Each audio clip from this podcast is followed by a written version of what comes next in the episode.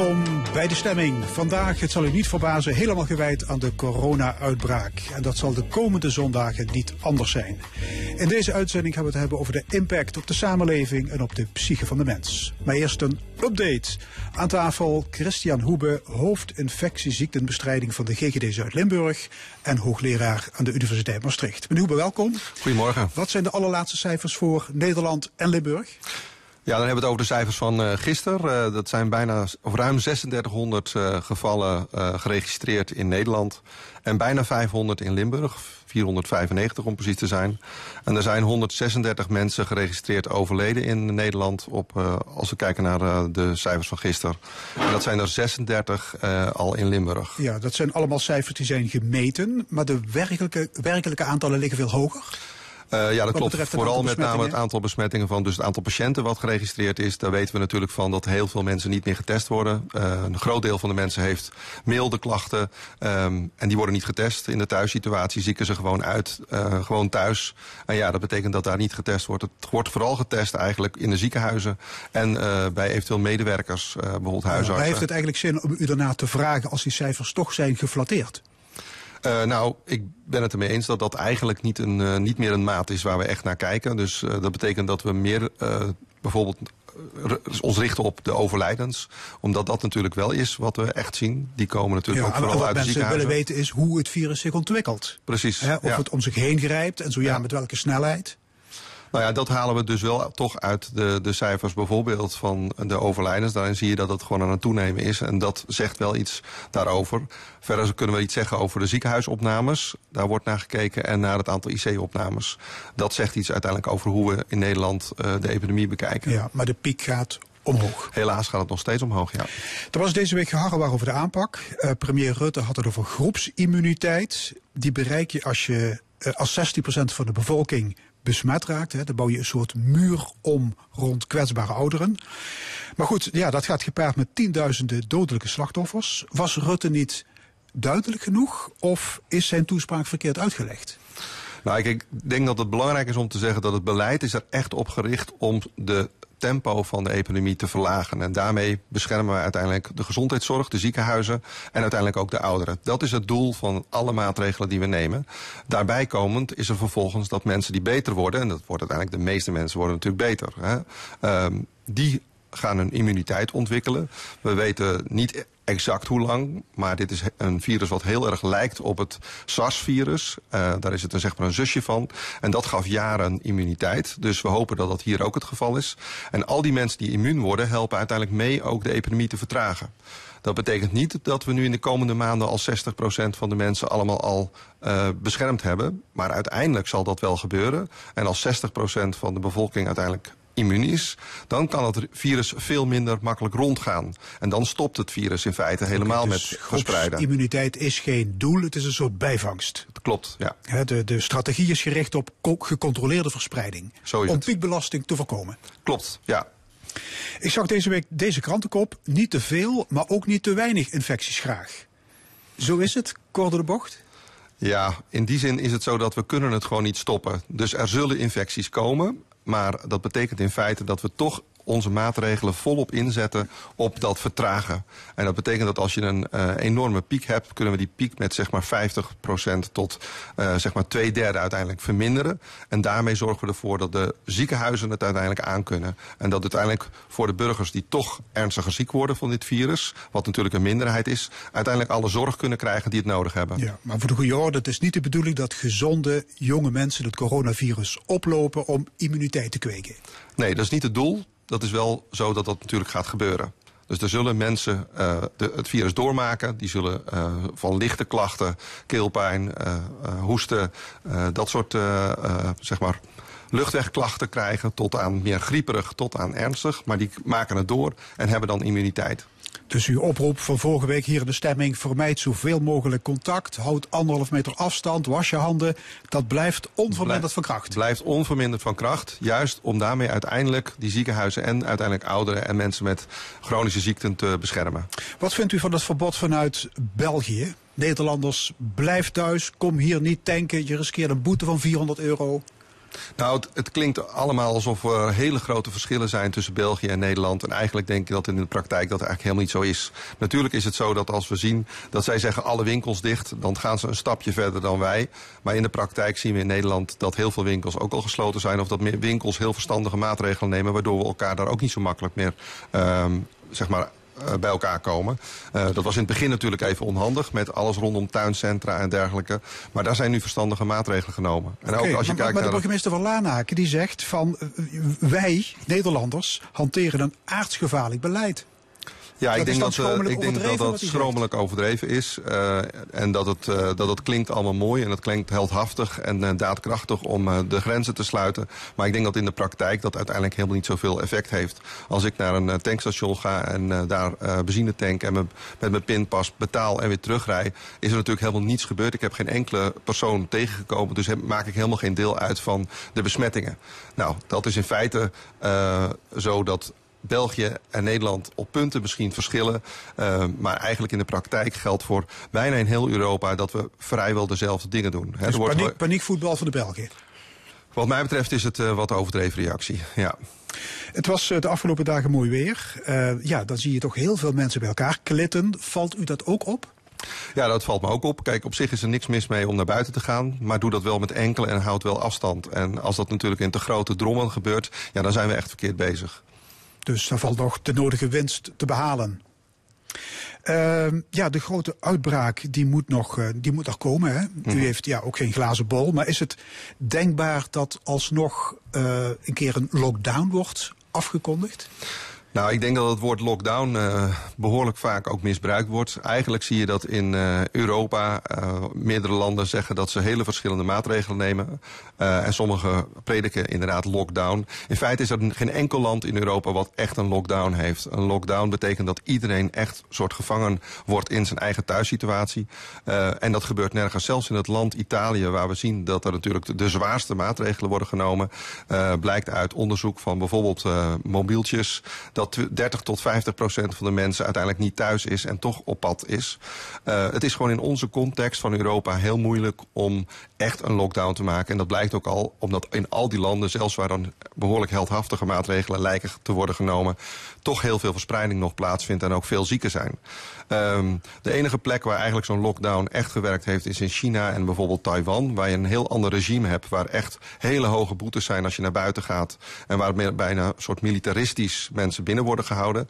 In onze context van Europa uh, is het eigenlijk zo dat de, de maatregelen niet allemaal zo heel veel van elkaar verschillen. Uh, de kern van alle zaken zijn min of meer hetzelfde.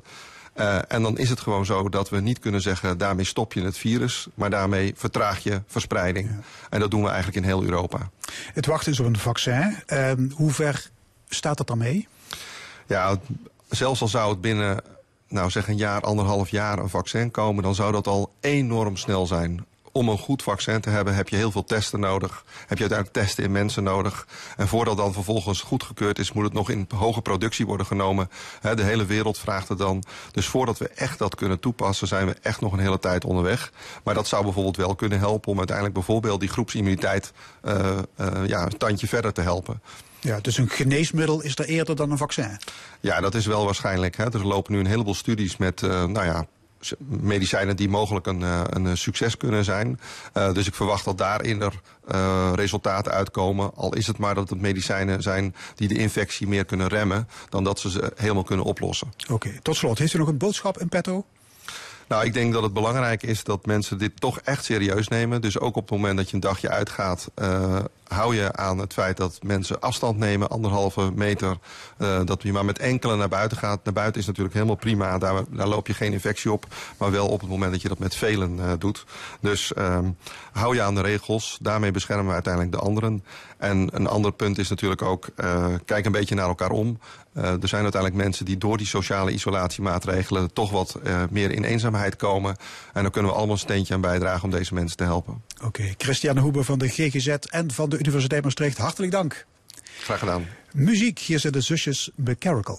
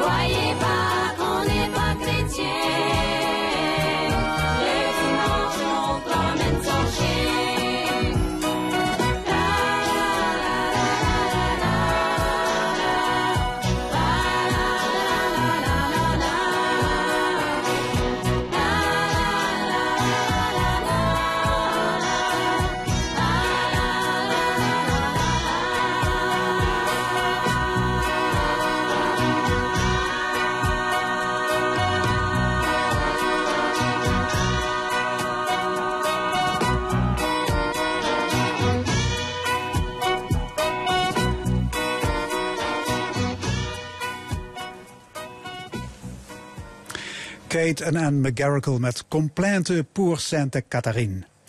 In het uh, Europees Parlement zijn alle lopende dossiers aan de kant geschoven. Ook daar is de corona-epidemie het enige agendaonderwerp. Ik ga praten met uh, de Limburgse PvdA-europarlementariër Vera Tax. Mevrouw Tax, uh, goedemorgen. Goedemorgen. Ja, wordt er in Brussel en, en Straatsburg eigenlijk nog wel vergaderd?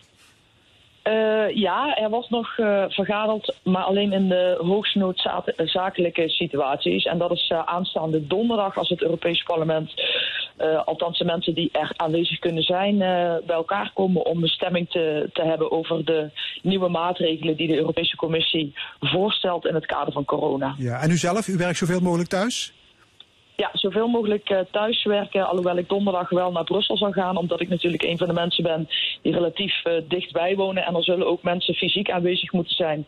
Als er voorstellen ter plekke worden gedaan, dat daar wel een, een debat over gevoerd ja. kan worden. Mevrouw Tax, ik heb begrepen dat de volksgezondheid in eerste instantie een, een, een zaak is van de lidstaten. Is dat de reden waarom er nauwelijks een, ja, een gemeenschappelijk beleid wordt gevoerd? Ja, uh, nou, er wordt natuurlijk wel een gemeenschappelijk beleid gevoerd, maar inderdaad, zo, uh, zoals u zegt, uh, gezondheid, volksgezondheid is een, een, uitsluitend een bevoegdheid van de lidstaten zelf, niet van het Europees Parlement. Net zoals onderwijs bijvoorbeeld. Dat, dat is ook echt iets waar de lidstaten zelf over gaan. maar wat Europa doet als het gaat nu in deze crisis, zijn eigenlijk drie belangrijke zaken. Dat is de coördinatie, hè? dus de coördinatie tussen de lidstaten en het overleg met alle ministers van volksgezondheid en alle gegevens verzamelen. En vervolgens de gezondheid zelf en de economische effecten uh, van dit virus. En op gezondheid bijvoorbeeld kunt u zich voorstellen dat we bezig zijn om ook de coördinatie vorm te geven. En ervoor te zorgen dat de spullen die nodig zijn uh, voor deze crisis, dat ze ook daadwerkelijk aanwezig zijn. En dat niet lidstaten ze zelf gaan behouden ja. uh, voor, een, uh, voor zichzelf of, of sterker nog het ook niet meer aan andere lidstaten verstrekken. Ja, maar je het over gezamenlijke coördinatie, maar het beleid in Sittard Geleen bijvoorbeeld is anders dan dat in het Duitse Heinsberg, één kilometer verderop. Ik bedoel, hebben ja, we de EU klopt. niet uitgevonden om grensoverschrijdende zaken te regelen? Ja, ook dat doen we. Uh, maar inderdaad, ja, uh, hoort bij Nederland en Heinsberg uh, bij Duitsland. En dan gelden eerst de nationale regels op dat punt. Ja, maar virussen trekken zich niks aan van grenzen. Nee, nee dat, is, dat maakt het ook zo'n grote crisis op dit moment. En dat is uh, wat je ziet, dus is wat Europa doet, is zorgen dat je samen de juiste afspraken maakt. En specifiek bijvoorbeeld als het gaat over de grenzen. Hè, er dus ook Europa heeft afgekondigd dat grenswerkers, en zeker ook in de essentiële beroepen, grenswerkers, bijvoorbeeld uh, mensen die transport doen, maar ook die in de gezondheid werken, dat die juist wel als een lidstaat besluit om de grenzen eh, dicht te doen voor andere lidstaten, dat, dat, eh, dat gewone mensen die werken aan de, aan de overkant eh, wel gewoon hun werk kunnen blijven doen en daar naartoe kunnen gaan. Ja, over grenswerkers gesproken. U heeft een brief gestuurd aan onze minister van Infrastructuur, Cora van Nieuwenhuizen, over de moeilijke positie van internationale vrachtwagenchauffeurs. Wat is er aan de hand? Ja, klopt. Eh, nou, dit is een van de essentiële eh, beroepen, alhoewel mensen daar misschien niet altijd eh, bij stilstaan in deze crisis. Omdat wij, het belangrijk is dat in het Europees wegvervoer alles door kan gaan. Terwijl sommige lidstaten dus zeggen, ja, we gaan grenscontroles invoeren. Nou, het belang is dat deze chauffeurs sowieso hun werk goed kunnen doen. Dat werk is nu, wordt extra bemoeilijkt omdat ze onder hele hoge druk staan. Hè. Zoals je weet, het is zeg maar kerstdrukte wat dat betreft bij supermarkten. Dus eh, ze staan onder hoge druk. Maar tegelijkertijd, omdat de horeca dicht is gegaan, eh, kunnen zij niet eh, bij essentiële zaken als naar het toilet mogen of eten krijgen onderweg. Nou, en dat is waar ik in het bijzonder aandacht Ja, en dat heb is omdat alle wegrestaurants dicht zijn. Ja, en daarom krijgen daarvoor- chauffeurs niks te eten en kunnen ze niet naar de wc. Ja, en vaak ook hè, als je dan aankomt bij een distributiecentrum waar jij je spullen gaat eh, eh, laden of lossen, dan mogen ze vaak daar niet gebruik maken van het toilet. En wij hebben daar aandacht voor gevraagd. Let hierop, eh, zorg dat mensen wel gewoon hun handen kunnen wassen, naar het toilet kunnen gaan en uiteraard ook voedsel kunnen verkrijgen onderweg. En daarom is het belangrijk dat trucks- truckstops open zijn. Niet dat je daar mag zitten, maar wel dat ze voedsel kunnen verstrekken aan chauffeurs. En dan eten ze dat dan buiten of in hun eigen cabine. Ja, het antwoord van de minister is: ik overweeg versoepeling van de rij- en rusttijden. Bent u tevreden met die reactie? Ja, nou dat, dat, daar heb ik als eh, eh, eh, Partij van de Arbeid een iets andere visie dan, dan onze VVD-minister. Ehm, ik vind rij- en rusttijden hebben we, zodat mensen veilig op onze wegen rijden. En een vrachtwagenchauffeur mag al maximaal 11 uur per dag rijden in die rij- en rusttijden. Maar langer dan dat zou ik echt niet doen, want het is gewoon ongezond voor de persoon in kwestie. Mensen moeten ook gezond blijven en hun werk kunnen blijven doen. En het is gewoon ook gevaarlijk op onze wegen. Dus ik denk niet dat je de rij- en rusttijden hoeft te versoepelen, maar wel dat mensen gewoon doorgang kunnen hebben bij de grenzen. Dus dat ze daar niet heel lang moeten wachten, want dan kun je inderdaad niet doorrijden. Ja. Dus de grensmaatregelen moeten versoepeld worden. Ja, binnenkort gaat de EU-buitengrens die gaat dicht. Eh, maar ook lidstaten afzonderlijk hè, sluiten de grens, zoals Duitsland, Spanje, Polen, eh, Oostenrijk. Hoe lastig is dat voor het transport van levensmiddelen en medicijnen? Ja, dat maakt het dus eh, extra gecompliceerd. En daarom heeft eh, Ursula von der Leyen, eh, de president van de EU, gezegd... we moeten ervoor zorgen dat daarvoor green lanes zijn. Dus groene, groene stroken, zodat essentieel vervoer wel plaats kan vinden, essentiële middelen. Eh, daarvoor hebben de transportministers afgelopen week nog ook met elkaar over gesproken. Helaas hebben ze daar op dat voorstel nog geen concrete acties met elkaar gesproken, eh, afgesproken. En dat is wel iets waar ik ook eh, mee, mede druk op uit. Van ja, dat moet wel. Je mag je grenzen wel sluiten, maar zorg dan wel dat essentiële goederen door kunnen gaan en zorg dan ook dat dat soepel verloopt. Ja, want dat het is toch het wezen van in de Europa, hè? Corona of geen corona, één grote interne markt. Ja, zeker. En dat is dus ook waarom we zeggen, hou die grenzen open. Maar uiteindelijk is een lidstaat mag, eh, zeg maar, eh, goed onderbouwd, gaan ze wel feitelijk over hun eigen eh, grenzen. En dat is waar je die coördinatie, coördinatie voor nodig hebt en waar we ook druk op blijven uitoefenen, hou die nu open. Maar dat is ook een belang van alle lidstaten. Ja. Dus Nog dat zal ook wel gebeuren. Ander punt, asielzoekers die zich in ons land melden, die worden niet meer opgevangen. Schendt Nederland de rechten van asielzoekers? Eh, ja, ik vind van wel. Ik vind eh, asielzoekers zijn net eh, als u en ik mensen die sowieso al bedreigd worden in hun bestaan en daarom op weg zijn naar, naar veiligheid in een ander land. Ja, je kunt zich voorstellen, hè, op Lesbos is nu ook weer de eerste besmette persoon met corona gevonden. Als je zo dicht op een kamp zit met geen goede gezondheidszorg, dan wordt het van kwaad tot erger.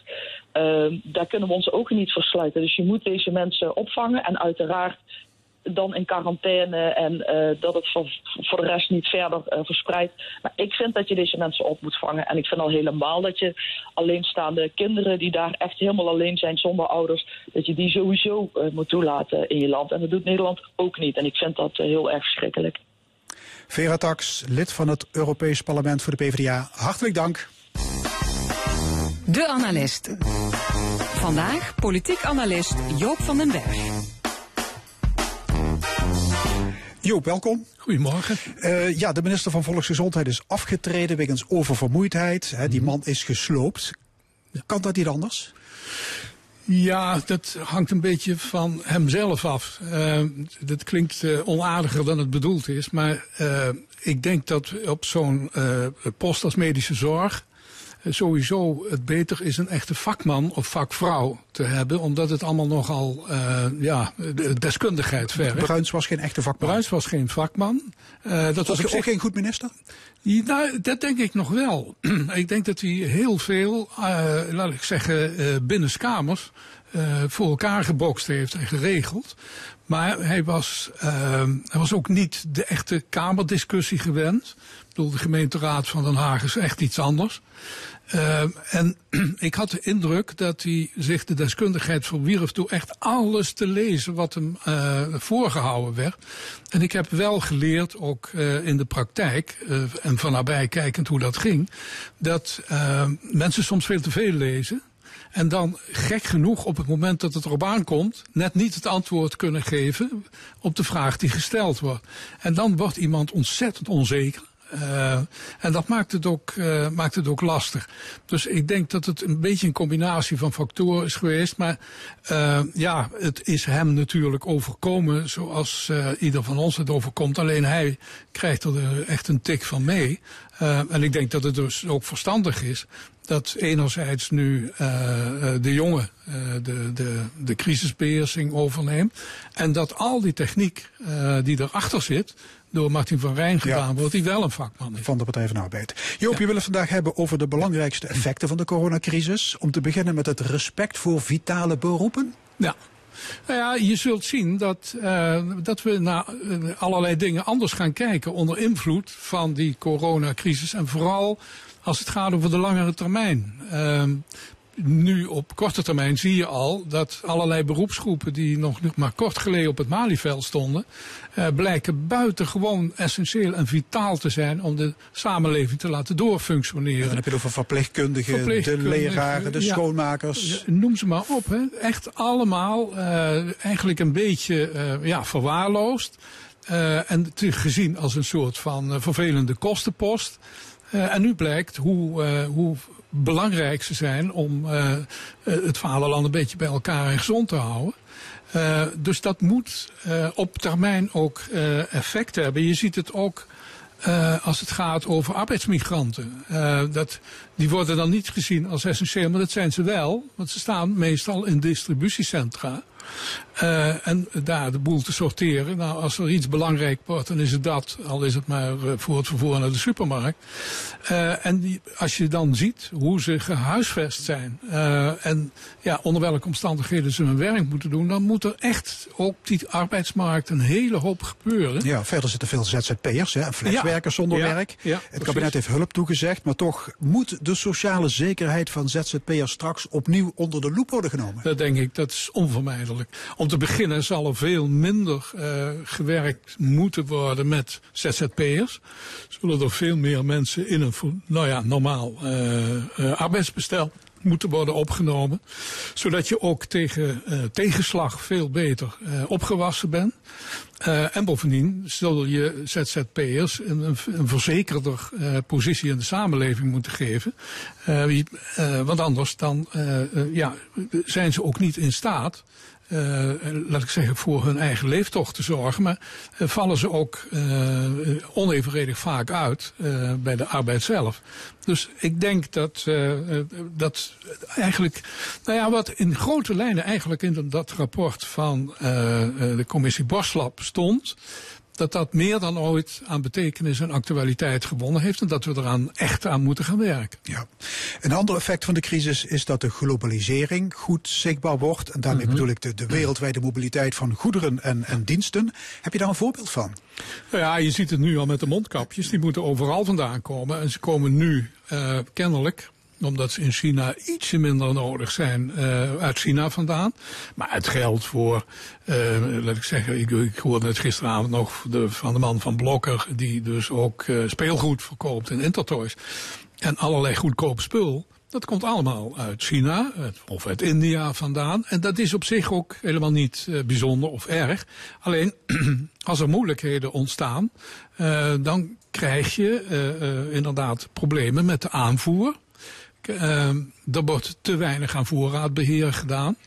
Uh, en ik zie dus aankomen dat, uh, laat ik zeggen, productie en distributie veel regionaler zullen gaan plaatsvinden dan nu het geval is. Omdat ja, je kunt er uh, onder omstandigheden niet op vertrouwen dat, laat ik zeggen, dit soort afstanden uh, makkelijk overbrugd kunnen worden. Oké, okay, dus jij zegt we moeten minder afhankelijk worden van verre landen en de handel meer regionaal organiseren. Ja, ja.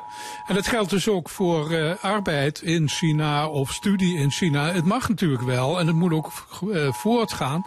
Maar ik denk dat je er scherper op moet zijn hoe je dat organiseert zodanig dat mensen ook heel uh, veilig terug kunnen als dat uh, noodzakelijk is. Ja, en dan wordt de kans op de import van uh, gevaarlijke virussen en bacteriën ook kleiner. Die wordt dan ook kleiner. Als je, ja, je, moet, als je je economie wat meer op wereldschaal regionaal organiseert, nemen dit soort risico's af. Want ja, dat soort virussen, bacteriën komen vrolijk met alle handel over de wereld mee. Ja.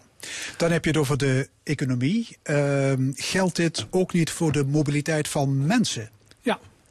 Alleen daar is misschien uh, eerder het, uh, het omgekeerde het geval.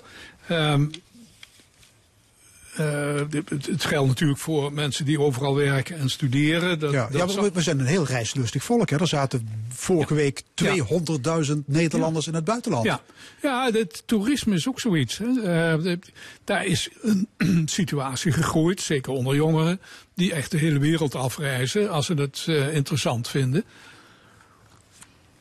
En dat zou je ze ook niet willen verbieden. Alleen uh, je moet toch voorzichtiger zijn uh, met, met je reisgedrag. En het zou dus wel eens kunnen zijn dat je er verstandiger aan doet. Uh, laat ik zeggen, ook je, je vrije tijd iets meer in de eigen buurt of in Europa door te brengen. Ja, Joop, een andere manier om de mobiliteit in te dammen is online verkeer. Ja. He, dat krijgt nu wel een geweldige stimulans. He. Ja. Bijna iedereen moet thuiswerken. Maar werken op afstand, leveren op afstand, ja. leren op afstand. Moeten we daar meer gebruik van maken in de toekomst? Ja, ik denk, ik denk of het moet, weet ik niet. Maar ik denk dat het gaat gebeuren. Uh, omdat uh, zal blijken dat je een hele hoop dingen in, in, in termen van werk heel goed kan doen zonder naar het bedrijf of zonder naar kantoor te hoeven. En als kantoor en bedrijven dat in de gaten krijgen, gaan ze hun uh, arbeid daarop organiseren. Uh, al was het maar omdat het daar ook uh, voordeliger van wordt. Uh, dat geldt hetzelfde voor uh, scholing. Ik voorzie echt dat uh, niet alleen in het hoger onderwijs, maar ook in het basis- en voortgezet onderwijs veel meer gebruik zal worden gemaakt in de toekomst van online onderwijs. omdat dat eigenlijk in een aantal opzichten minstens zo effectief is. Waarschijnlijk ook zuiniger.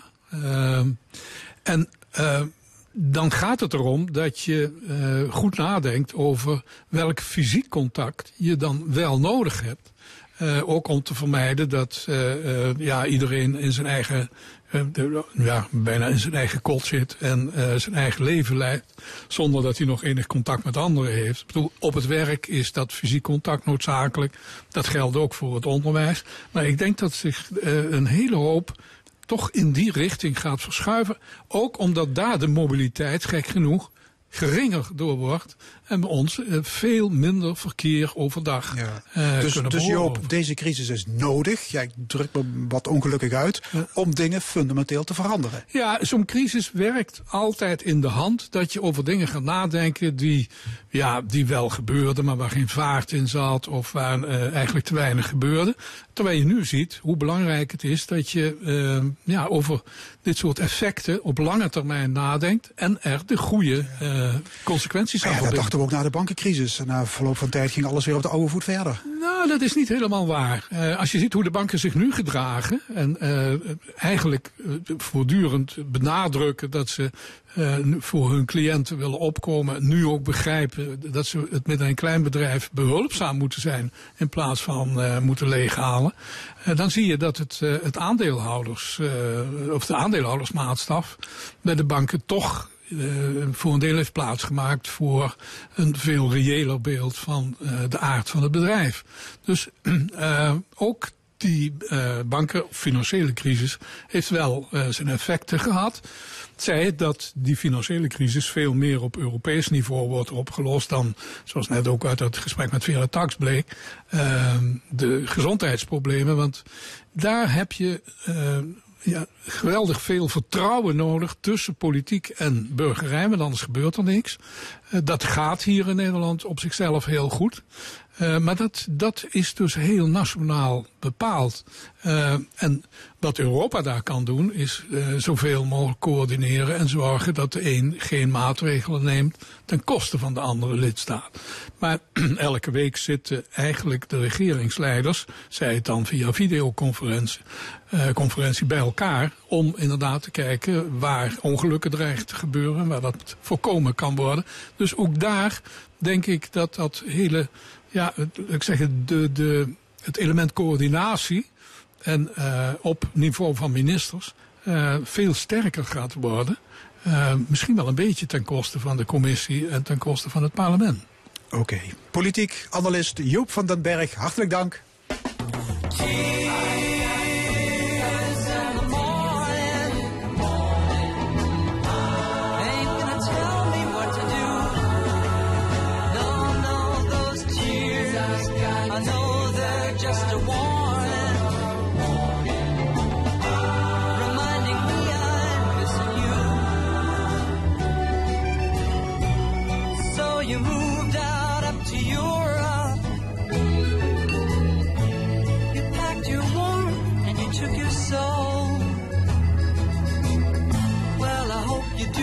What you're damn sure of.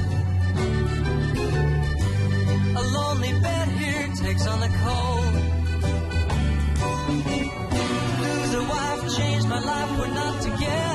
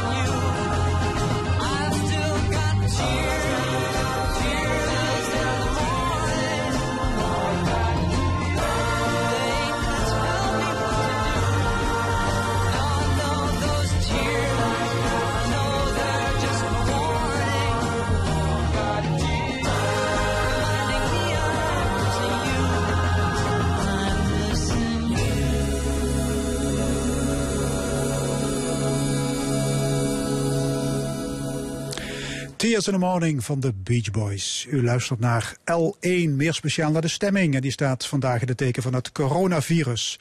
Er komt net een uh, NL-alert binnen. Ik zal hem even voorlezen. Volg instructies Rijksoverheid op. Houd anderhalf meter afstand. Bent u ziek of verkouden, blijf thuis. Bescherm uzelf en de mensen om u heen. Samen tegen corona. De column. Vandaag met Jos van Wersch.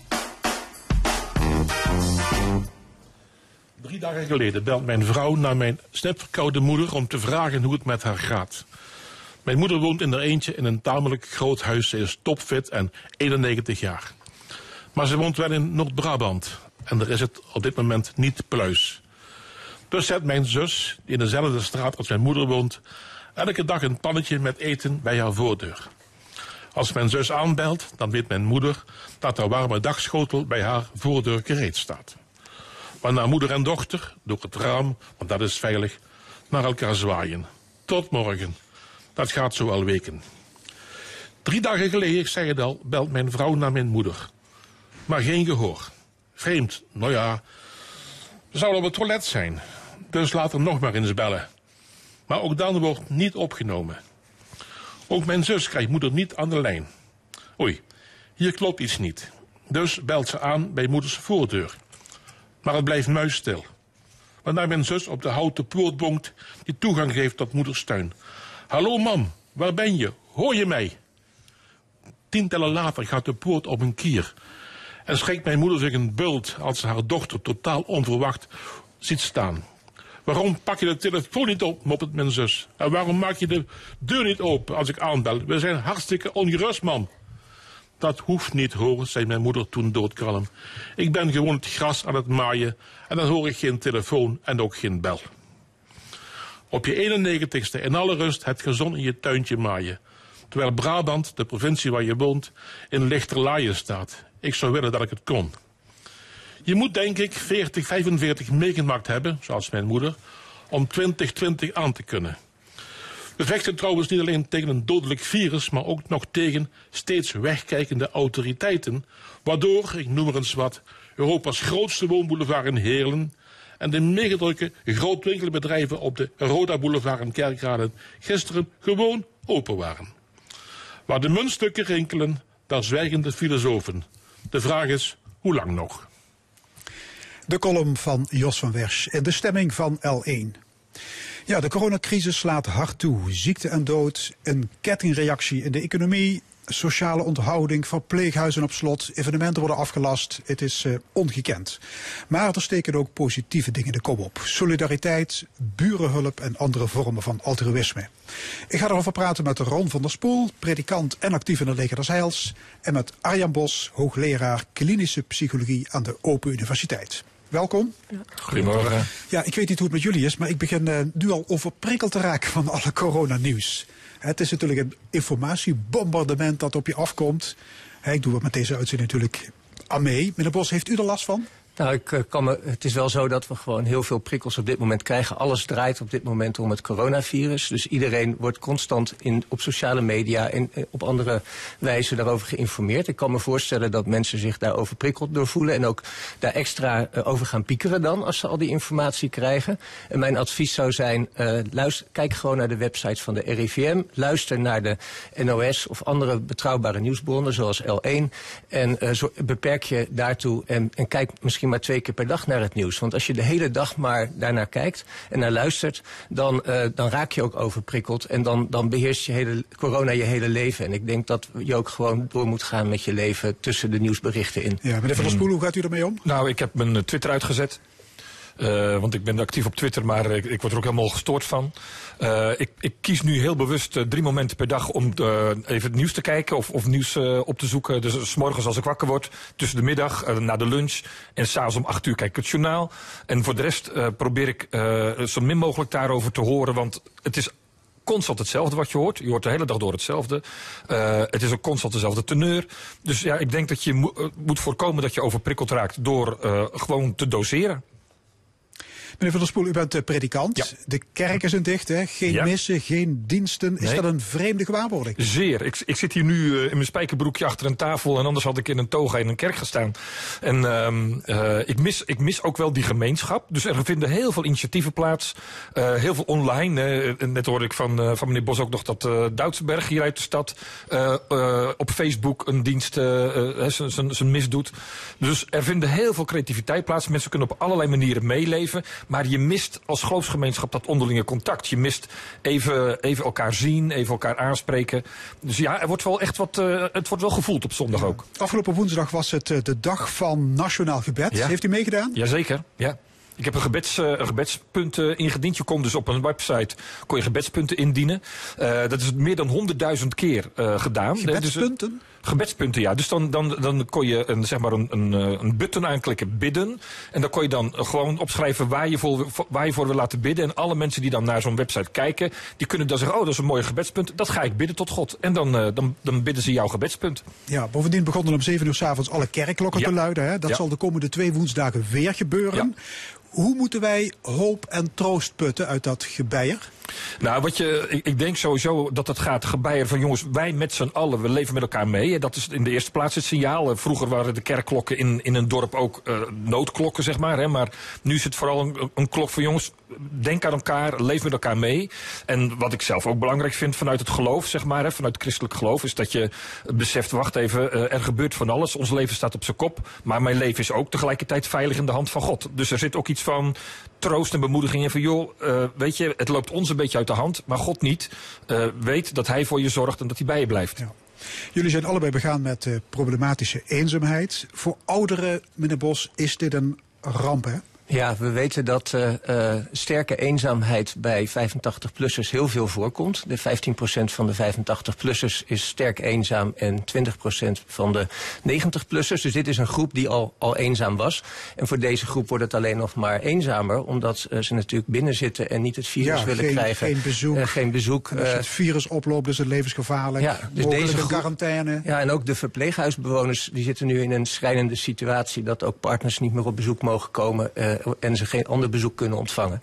Dus dat is, eh, dat is heel ernstig. inderdaad. Skype is nog een oplossing. Ja, wat ik wel denk dat de regulier, de ouderen die, die niet sterk eenzaam zijn, veel mensen kunnen het online wel compenseren. Dus je kunt natuurlijk wel eh, skypen met je, met je kleinkinderen of op WhatsApp kun je ook eh, video bellen of je kunt gewoon appen en, ander, en bellen natuurlijk. Dus er zijn heel veel mogelijkheden, maar er zal altijd een groep zijn die al eh, eenzaam was, die het in deze tijden nog zwaarder heeft. Het leger des Heils heeft overal koffiecorners, hè, inloopochtenden. Ja. Die zijn ook allemaal dicht, hè? Ja, dus wat wij nu doen, we hebben de hele week op de markt gestaan in Maastricht. Want die is leeg, er is geen markt. Er is drie of vier kraampjes staan er soms. Woensdag eh, was het, was het zo, vrijdag ook. En eh, wat wij dus hebben gedaan is, we hebben onze koffiekorder naar buiten verplaatst. Dus met vrijwilligers staan we eh, bij, bij zo'n stenen bankje op de markt. Daar hebben we een paar thermoskannen koffie. En de mensen die dan normaal gesproken bij ons binnenkomen... die eigenlijk gewoon nog op straat blijven leven natuurlijk, dat gaat gewoon door. Eh, die komen nu daar en dan houden we afstand. We Ja, anderhalve meter afstand, Anderhalve meter afstand. Ja, nee, dat zijn we heel streng in. Want eh, vanuit Leger des Heils zijn er hele strenge regels. Eh, we hebben latex handschoenen aan enzovoorts. Maar we zijn er wel voor die mensen. En het is natuurlijk prachtig weer, dus dat scheelt heel erg. We, we kunnen gewoon buiten staan. En het leuke is dan, misschien nog goed om even te vertellen... wat er voor moois gebeurt ook in Limburg. dat de kroegen eromheen op de markt zijn allemaal dicht. Maar die mensen zijn wel aan het schoonmaken, aan het werk. En die zien ons staan en er komt een tafeltje. Zo, anderen komen koekjes brengen, anderen komen glazen brengen. Dus eigenlijk alle horeca eromheen die zelf dicht moet... eh, helpt ons om het gratis kopje koffie aan eh, de, de thuislozen en de daklozen te geven. Weet je wat trouwens ook iets is wat ik heb geleerd? Ze kunnen nergens meer naar de wc. Dat klinkt nu even een beetje banaal, maar dat is iets dat ze echt tegen mij zeiden: mogen, mag alsjeblieft. Mogen de sleutel van jouw pand en mogen we even daar naar de wc? Want normaal gingen ze in de bibliotheek of even bij de Albert Heijn of in een cafeetje. En ja, ze zijn wel, ze zijn mensen met eergevoel. Hè? Die willen niet in een bosje gaan zitten. Dus die zeggen, mogen we ergens ons even wassen? Mogen we ergens ons even... Het zijn allemaal dingen waar je geen erg in hebt. Die nu, met name voor mensen van de straat, die hun adresjes hadden. Ja, valt dat weg. En, eh, en nu zijn ze wanhopig op zoek naar ja, manieren om toch nog zichzelf te kunnen verzorgen. Ja. Goed dat de koning het nog had over het eenzaamheidsvirus. Ja, dat klopt. Dat is ook goed dat hij dat benoemd heeft, want er is inderdaad een groep die daar last van heeft. Ja. Meneer Bos, u bent klinisch eh, psycholoog. U zei tegen mij, de mens heeft drie psychologische basisbehoeften. Ja, dat klopt. Kunt u ze alle drie eens even noemen? Ja, wij hebben als mensen dus drie psychologische behoeften. Ten eerste hebben we een behoefte aan autonomie. We hebben behoefte aan sociale relaties en we hebben behoefte aan competentie. Nou, nu is op dit moment worden al die drie basisbehoeften worden eigenlijk op de proef gesteld. Want onze autonomie wordt beperkt. We, moeten anderhalf meter afstand houden, we, moeten, zitten veel binnen. Eh, dat is één punt. Onze sociale relaties, ook sommige mensen zijn, ouderen zitten dan vaak binnen. eh, dus, dus dat is ook een uitdaging. Dat kun je, zei ik net al, online wel voor een groot deel compenseren. Maar ja, het, het is toch een, eh, een aanslag op de sociale relaties. En ook op competentieniveau niveau, eh, eh, wordt, dat wordt ook aangetast. Want bijvoorbeeld ZZP'ers die, die nu ineens geen werk meer hebben bijvoorbeeld. En eh, dan wordt het ook heel erg lastig om je werk te blijven doen. Dus ja, Ja, dat dus zijn alle- weinig intermenselijk contact, weinig bewegingsvrijheid en we kunnen onze capaciteiten niet kwijt. Ja, we zullen ons daartoe moeten verhouden inderdaad. Ja. Je kunt ook zeggen, we staan allemaal even in standje rust. Ja, het kan, het kan ook positieve effecten hebben. Dat, Omdat we natuurlijk altijd eh, maar door hebben gejaagd. En, en, en nu tot stilstand komen, gierend tot stilstand komen zelfs. Eh, en ik denk ik, en ik hoop ook dat, eh, dat er wel wat meer aandacht is voor menselijk contact in deze tijd. Je ziet nu toch ook dat in de buurt je je buren ineens weer spreekt nu je thuis zit over de heg heen. En dat je daarmee een praatje maakt of dat je informeert gaat het met jou goed. Dus ik denk dat dit soort gedrag ook wel meer zal voorkomen nu in deze crisistijd. En je ziet ook wel dat in eerdere crisissen eh, mensen toch ook eh, meer saamhorigheid hebben en naar elkaar toe eh, kruipen om samen de situatie te doorstaan. Meneer Van der Spoel? Ja, ik, ik merk dat natuurlijk ook. En ik denk ook dat het een keuze is. Dat wil ik echt benadrukken. Ehm, we zitten in een crisis. eh, en iedere keer als je in een crisis komt, dat kan nu door de corona zijn, dat kan op andere momenten in je leven zijn, heb je altijd een keuze. Hoe ga ik hiermee om? Laat ik het kopje hangen? Of ga ik in de slachtofferrol zitten? Of zeg ik, ach, arme ik? Of ga ik kijken, hé, hey, wat leer ik hiervan? En, en wat kan ik nu? En wat, wat ontdekken we met elkaar nu? En dan wordt de kunst vooral, en dan praat ik maar vast over de toekomst, eh, hoe houden we dit dan ook vast? Want er gebeuren hier echt fantastische dingen. Ik merk het echt in heel Limburg. eh, er gebeuren hele goede dingen met mensen onderling. Eh, creativiteit, positiviteit, elkaar vasthouden.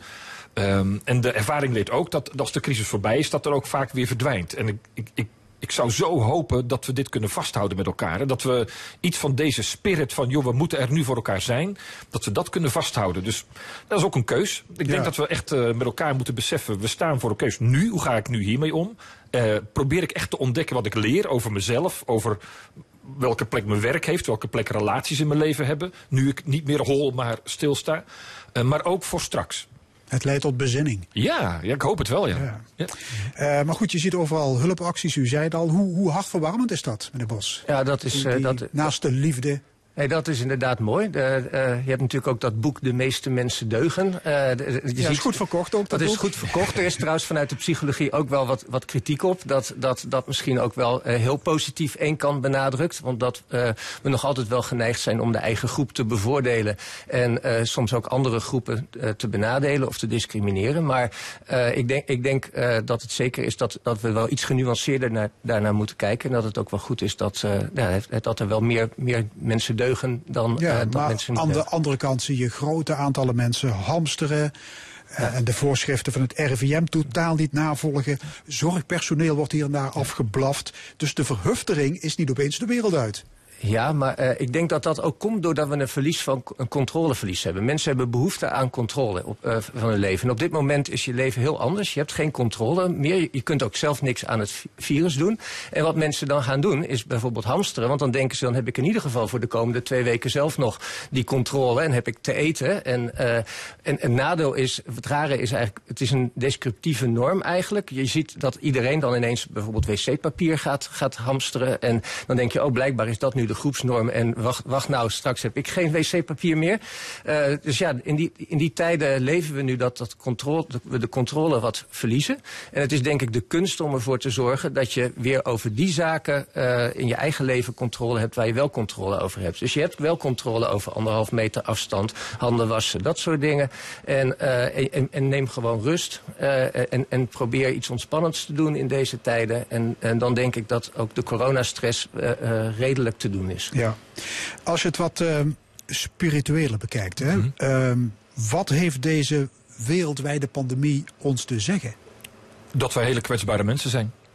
En eh, dat weet je natuurlijk. Eh, Maar vooral beseffen dat als we ziek worden, of we beseffen dat als we werkeloos worden. En als dat niet het geval is, dan, dan hobbel je door. En heb je ook het idee van wie doet mij wat. Hè? En eh, dit laat ons allemaal beseffen hoe kwetsbaar onze wereld is, hoe kwetsbaar wij mensen zijn. Dat we elkaar heel hard nodig hebben. En ja, nou ja, ik hoop ook dat je zegt, jongens, we hebben ook van buitenaf iemand nodig die, die ons vasthoudt. En voor mij is dat dan God of geloof. Maar ik denk ook, even breder dan alleen maar christelijk geloof. Ik denk dat we dus ehm, eh, ook een, een, een, een spirituele basis in ons leven nodig hebben. Dat je ergens, eh te midden van alles wat kan veranderen, een soort, ehm, ja, onafhankelijke kern in je leven nodig hebt, een, een fundament in je leven nodig hebt, waar je op gebouwd bent, gebaseerd bent, dat als de situatie verandert, eh, dat wel blijft. Wie ben ik? Wat is mijn identiteit? Eh, eh, hangt dat af van mijn werk? Dat heb ik nu even niet meer. Hangt het af van het aantal contacten wat ik heb? Die heb ik nu even niet meer.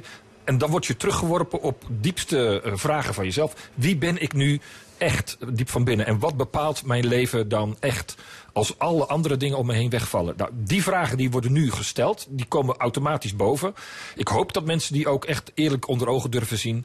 En dan, eh, dan is dit ook een grote winst. Want dan ga je ontdekken, wacht even. eh, met, met name denk ik dat relaties, hè, dat zal blijken. Dat relaties altijd weer de kern vormen van je leven. Hè. Welke relaties houden stand als, eh, als alles om je heen wegvalt? Ja, en we hebben sociale relaties ook nodig als een buffer tegen stress. Dus het is ook heel belangrijk om uh, ook in deze tijden aan die sociale relaties te werken. En ik zou ook zeggen van uh, kijk eens om naar de ouderen in je familie of uh, in, in de straat. bel of doe aan bellen en pennen zou ik zeggen. Zo, ja, neem contact op en laat zien dat je er ook voor hun bent. Ja. En ik denk dat dat belangrijk is, want dan kun je ook ouderen die nu eenzaam thuis zitten toch een hart onder de riem steken. Ja, en, en zingeving wordt weer belangrijk. Ja, dat, dat denk ik. Dat, ja. Ja. Um, ja, onze politiek analist die had het net over minder globalisering, minder mobiliteit, uh, meer regionale economie. Dat zijn fundamentele veranderingen. Ja, en ook meer digitalisering. Ik werk zelf bij de Open Universiteit en je ziet nu dat iedereen omschakelt naar digitalisering. Ja. Wij helpen ook andere universiteiten nu om uh, die stap naar digitalisering te maken. Ik denk ook dat dat straks na de crisis zaken zijn die niet echt meer onomkeerbaar zijn en dat we allemaal meer de stap naar digitalisering hebben gezet. Ja, wat, wat ik wel een uh, bijzondere vind is dat je merkt...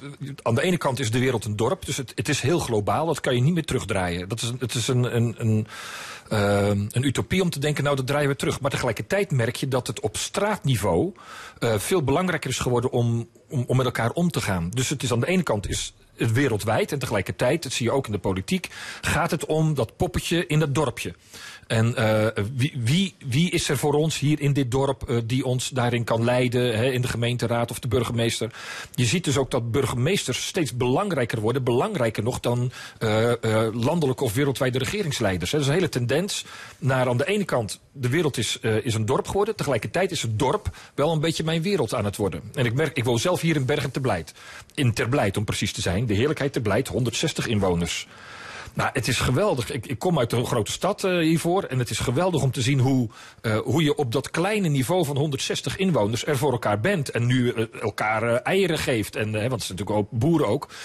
Voor eieren zorgt en, en, en omkijkt naar de ouderen enzovoorts. Dus het leven, uh, juist omdat het zo wereldwijd geworden is, hebben mensen behoefte aan uh, uh, overzichtelijkheid. En ik merk gewoon hoe ik zelf geniet van het overzichtelijke van Bergen te Blijt. En dat ik daar in de, in, de, supermarkt met keurige afstand van anderhalve meter wel even met Jan en Alleman even een babbeltje heb. En, en ze ook ken en van gezicht ken. Dus hoe groter de wereld wordt, hoe meer de behoefte, kijk ook maar even naar Arjan, hè, ja. maar, maar hoe meer de behoefte aan uh, kleinschalige uh, uh, gemeenschappen is. En dat voel je nu ook heel ja. goed. Behoefte aan kleinschalige gemeenschappen. Tegelijkertijd zijn er mensen bang en angstig. Heeft u een remedie als psycholoog? Ja, ik denk dus in deze tijden van coronastress dat je inderdaad die controle moet pakken op de zaken waar je echt zelf controle over hebt. Dat zei ik al, je kunt niet die coronacrisis zelf veranderen. We hebben nu eenmaal te dealen in deze situatie. We zullen daar flexibel mee om moeten gaan, maar richt je dan op de dingen uh, ja, die, waar je wel uh, controle op hebt. Zorg voor structuur, uh, eet gezond, zorg voor beweging en probeer op die manier gewoon in je dagelijks leven structuur te hebben. Oké, okay, mag ik jullie hartelijk danken. Hoogleraar psychologie Arjan Bos van de Open Universiteit en predikant Ron van der Spoel. Dit was de stemming. Tot de volgende week. We gaan verder op deze zender met de eerste aflevering van Dit is L1 met Ruben Wekers. Ik wens u nog een mooie dag.